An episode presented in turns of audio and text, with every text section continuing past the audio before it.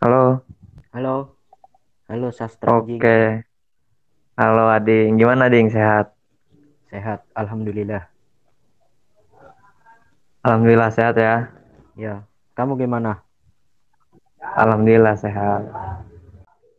Gimana nih nulis? Masih tentang bau-bau 18 ke atas? Masih dong, selagi masih ada Masih dong. Penyimpangan, penyimpangan atau penyimpanan gitu. Oke Ding, mau nanya Ding ya. Hmm, Kenapa sih lu lebih milih tema tentang kayak seks gitu ketimbang yang lain-lain? Misalnya kayak cinta atau kayak kritik negara gitu. kayak yang aku tadi bilang sih, karena ada penyimpangan gitu. Iya, orang-orang menganggap seks kayak colokan charger gitu. Tinggal colok. Oh, itu filosofi sendiri. Iya sih. Coba-coba gimana ceritain awalnya lu nulis tentang kayak gituan. Awalnya nulis sih, lihat puisinya Widya Husen sama Rendra yang bersatulah pelacur-pelacur sih. Paham kan? Oke, Pelacur Jakarta. Gitu. Itu langsung eh gimana gimana? buat aku tertarik sih. Oh, jadi ada teh, aja ada nih puisi yang kayak gini. Kan taunya dulu puisi kayak Hairil Anwar, gelap gitu. Kayaknya pandangan masyarakat tuh tentang khususnya anak muda gitu ya. Tentang seks tuh kayaknya lebih ke arah negatif mulu. Iya, gitu. Jadi niatnya Ading tuh mengubah pandangan orang-orang khususnya temen-temen yang dengerin atau yang lain Iya, kan lebih di gimana, gimana? puisinya, di puisinya, di puisinya aku kayak di terakhir baitnya kayak dikasih kayak pencerahan gitulah, pencerahan. oh pencerahan. Oke. Iya gitu. Mencoba kayak gitulah, ngasih pencerahan. Jadi nggak selamanya bait-bait syair tuh tentang cinta, kritik, gitu-gitu ya. Iya. Mencoba hal-hal yang kayak absurd gitu. Iya terus mendobrak tabu gitu. Open minded ya, lebih. Di sisi lain Halo? kan dianggap tabu. Di sisi, di sisi lain kan kayak gituan dianggap tabu. Dogma mau- kolot mun- mungkin ya. Iya. Aku mau bebas berkarya aja sih. Bebas berkarya, oke. Lanjut hingga Ya.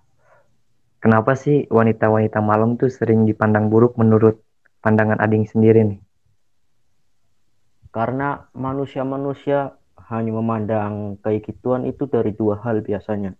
Gimana? Dari dari dosa sama keindahan tubuhnya saja. Untuk wanita-wanita kayak gitu. Iya. Aku sih pengennya manusia meni- meniru Tuhan sih. Wah, jauh lah kayaknya. Ini maksudnya yang Oh, gimana? yang memandang perempuan kayak gitu itu lebih dari dua hal yang tadi. Iya. Dia jangan memandang dari dua hal yang dosa dan keindahan tubuhnya saja. Oke, mantap. Kan Lanjut tuh. Ya, Oke. Menurut Ading tuh apa sih yang harus dirubah dari cara pandang masyarakat tentang pelacur? ya seperti tadi. Jangan memandang dari dua hal saja, lebih Oke. memandang lebih dalam lagi seperti kehidupan sehari-harinya di rumah, barangkali gimana-gimana gitu. Lebih baik dari apa yang dilihat gitu ya. Iya. Oke, lanjut lagi, Ding. Oh iya, dan lu ngedukung nggak soal pelacur-pelacur yang bekerja di pinggir trotoar nih, yang biasa gue sebut kayak bunga trotoar gitu. Ngedukung dong. Dia kan perempuan bebas. Nggak bergantung perekonomiannya pada lelaki. Wih, di. Ada suap. Nah, kalau si cewek itu nggak punya suami gimana? Ya intinya sih Berjuang Ya, sendiri lah gitu ya. dia, dia coba berjuang sendiri, mencoba. Oke. Lanjut lagi nih, Ding ya. Ya silahkan. lanjut. Kalau Adi duduk di bangku talit misalnya ya Adi nggak akan membatasi tempat-tempat mereka bekerja gak alasannya kenapa? Kayaknya enggak sih. Kayaknya untuk saat ini gitu ya. Nah itu nggak tahu. Alasannya kenapa kalau membatasi perempuan kayak gitu harus memberi ganti kerjanya yang lebih layak dong. Nggak nggak asal bubarin tempat kayak gitu terus membiarkan mereka nganggur. Oh iya benar-benar ceweknya itu dia lebih suka kayak apa namanya? Kayak bekerja bebas lah gitu. Menurut Ading gimana kalau nggak merugikan orang lain sih nggak apa-apa. Nggak apa-apa ya kan kalau misalkan dikasih tempat nih kata Ading tadi dikasih tempat untuk lebih yang lebih baik lah. Itu kan di tempat itu kan pasti punya peraturan. Nah sedangkan kalau dia kerja di jalan atau di mana dia kayak wah bebas aja gitu. Kalau bebas dia kayak seneng gitu kan. Pasti. pasti Iya. senang apa pun pekerjaan yang disenangi kan itu bakal lancar jalaninya bakal enak ya kan? Iya kalau se- serik sama hatinya kalau cocok. Iya benar benar benar. Yang terakhir nih. Hmm.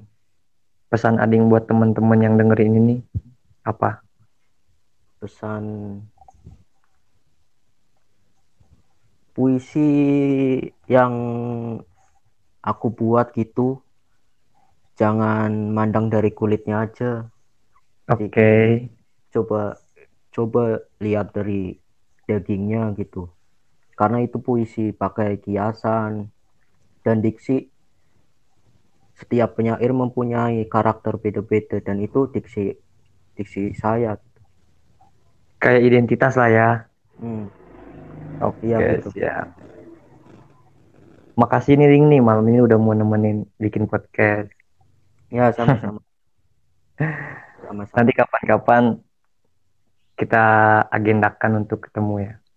Ya siap. Oke makasih Ding. Ya sama-sama. Sehat selalu. Sehat selalu juga untuk Ading